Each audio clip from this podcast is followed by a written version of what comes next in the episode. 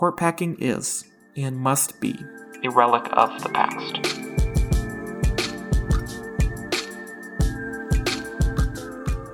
Welcome back to Chapel Phil, everyone. My name is Max Azergian, and I'm a senior fellow at the Parr Center for Ethics. It is not an exaggeration to say that the nine black robed justices of the United States Supreme Court wield immense power. The decisions of our nation's highest court have determined, among other serious topics, who we can marry, what we can publish in newspapers, and when abortion is legal. In light of recent events, some political leaders have proposed court packing that is, expanding the size of the Supreme Court. In this episode, I'll explain that such a modification to the court has historical precedent, but is nonetheless a fundamentally bad idea. Let's begin. First, we need to cover the history of the Supreme Court. Article 3, Section 1 of the United States Constitution proclaims, quote, The judicial powers of the United States shall be vested in one Supreme Court, and in such inferior courts as the Congress may from time to time ordain and establish. The judges, both of the supreme and inferior courts, shall hold their offices during good behavior, and shall, at stated times, receive for their services compensation, which shall not be diminished during their continuance in office. What does this mean exactly? Well, the Constitution establishes a Supreme Court and grants Congress the power to create inferior courts. To be clear, the number of justices for the Supreme Court is not specified. Moreover, judges are allowed to serve during good behavior, which historically, and even today, has been interpreted to mean until death. Congress formally organized the Supreme Court with the Judiciary Act of 1789. That act stipulated that the Supreme Court would have six justices, one Chief Justice, and five Associate Justices. However, as the following historical timeline demonstrates, partisan strife quickly shaped the Supreme Court. In 1801, in the days leading up to Thomas Jefferson's inauguration, lame duck Federalists reduced the size of the Supreme Court to undermine the president elect. The number of justices on the court was capped at five. With his party in control of Congress, Jefferson later increased the size of the Supreme Court to seven justices. In 1837, the Eighth and Ninth Circuit Acts allowed Democrats to expand the Supreme Court to nine justices. During the Lincoln administration, the Supreme Court had three vacancies. With two justices off the bench for health reasons, the court actually lacked a quorum to function. To overcome the court's pro slavery bent, New Hampshire Senator John P. Hale suggested abolishing the court altogether and replacing it with an entirely new one. While that radical proposal did not succeed, a 10th seat was added to the Supreme Court to let Lincoln appoint another pro union justice. In 1866, Congress shrank the court to seven justices to deny President Andrew Johnson the opportunity to fill potential vacancies. Three years later, with the Judiciary Act of 1869, Congress mandated that the Supreme Court would have one Chief Justice and eight Associate Justices. The Judiciary Act of 1869 is still the law of the land today. To pack the court, Congress would first need to repeal this law. Now, the idea of court packing did not suddenly vanish after the Judiciary Act of 1869 was passed. President Franklin Delano Roosevelt famously, or perhaps infamously, tried to expand the Supreme Court during his second term in office. Why did he do this? Because the Supreme Court nullified several major New Deal accomplishments. Notably, the court struck down the National Industrial Recovery Act, a law designed to regulate labor relations, and it struck down the Agricultural Adjustment Act, which subsidized farmers to limit crop overproduction. In response, FDR proposed a plan to reform the court system. He called for adding extra members to federal courts for every sitting justice that did not retire within six months of their 70th birthday. If passed, the Supreme Court, which at that time had several graying justices, would have had six new seats in a matter of months.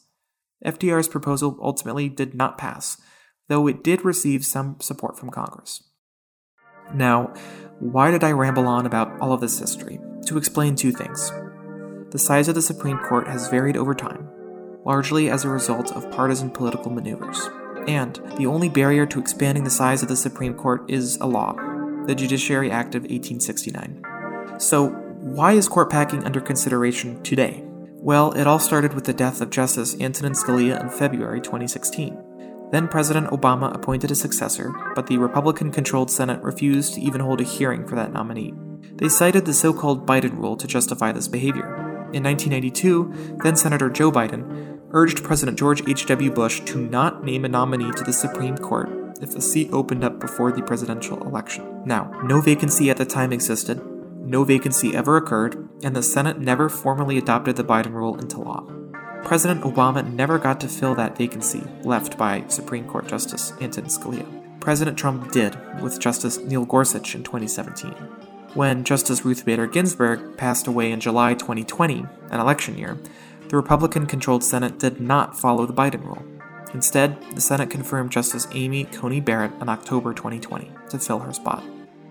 In light of these actions by Senate Republicans, there have been calls to enlarge the Supreme Court to counterbalance its conservative tilt.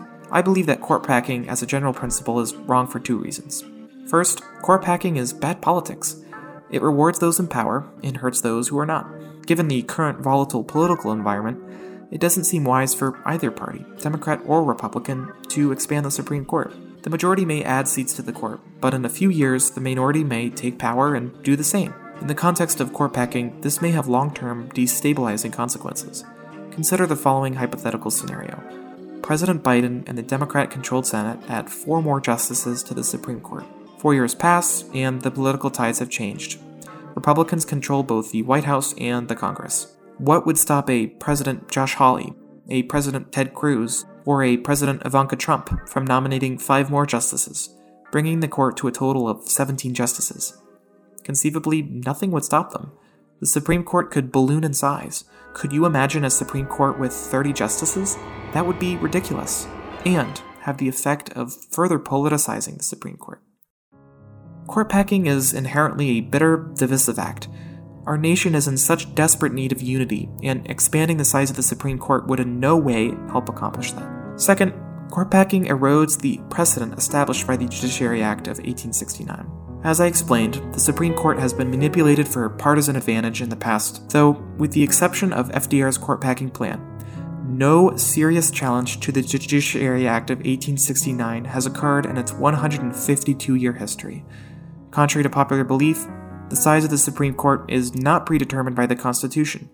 It is only prescribed by law, which has remained firm precedent for over a century and a half. Why challenge this precedent now? Why return to the decades of the Federalists, Andrew Jackson, and the Radical Republicans, when the Supreme Court was a mere political instrument with which to undermine your adversaries? Surely Congress, despite the political divisions that exist, would not stoop so low as to replicate the politicking of those years. Court packing is, and must be, a relic of the past.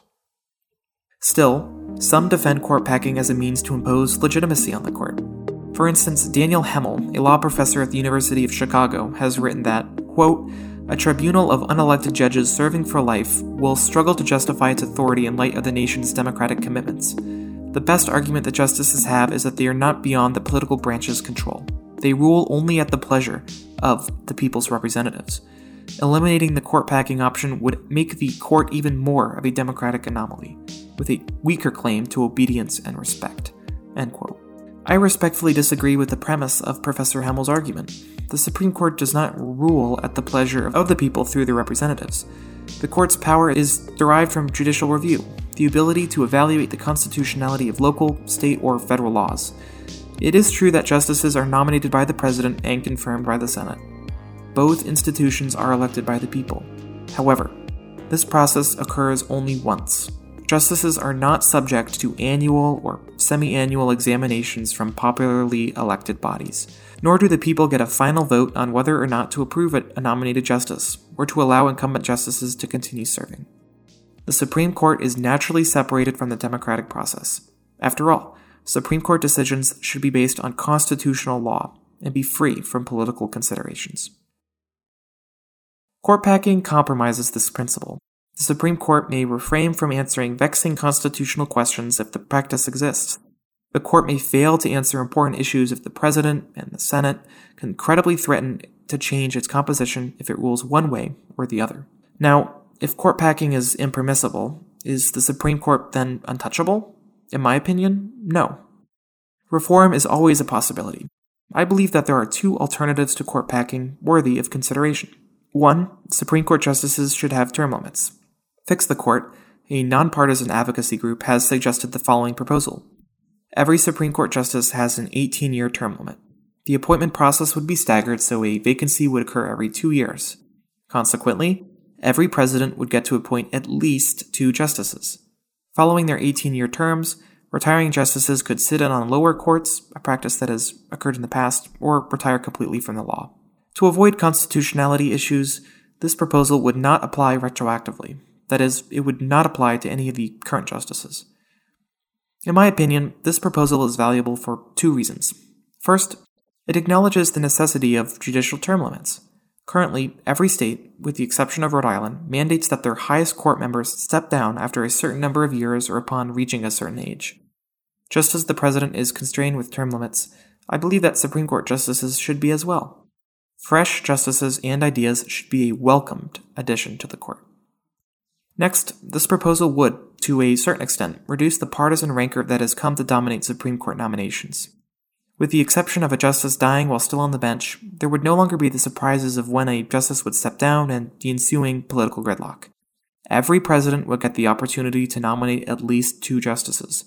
Controversy surrounding the Biden rule would no longer be relevant. Second, Supreme Court justices may also be rotated to other courts and be replaced with lower court justices. This was actually a proposal made by Senator Bernie Sanders during his 2020 presidential campaign. The logic goes that since justices may sit in on lower federal courts, they may be replaced with lower court justices. This novel proposal would have the effect of introducing qualified lower court justices to the nation's highest court. Again, new judicial voices would be amplified, an important addition to the court. While the Senate would not have the ability to confirm these rotations, they would conceivably have endorsed the rotation by approving the lower court justice in the first place. The most troublesome aspect of this proposal are the concerns regarding its constitutionality. As mentioned, the Constitution notes that justices may only serve during good behavior, which has meant until death, resignation, or rarely impeachment by Congress. Rotation might not be constitutionally feasible, but nonetheless, in my view, it is worthy of consideration. In this episode, we covered the origins of the Supreme Court, how it has expanded and contracted in size over time, why some political leaders are pushing for packing the court now, why I believe it would be a bad idea to do so, and the possible alternative solutions to improving the court. I understand that you may disagree with some, or quite frankly, all of my positions. This is a controversial political topic. But, as Thomas Jefferson said during his first inaugural address, we are all Republicans. We are all Federalists. While we may disagree, let us strive to work through our differences to change our nation for the best. I hope you enjoyed this episode. My name is Max Azergian, and this has been Chapel Phil. Thanks for listening.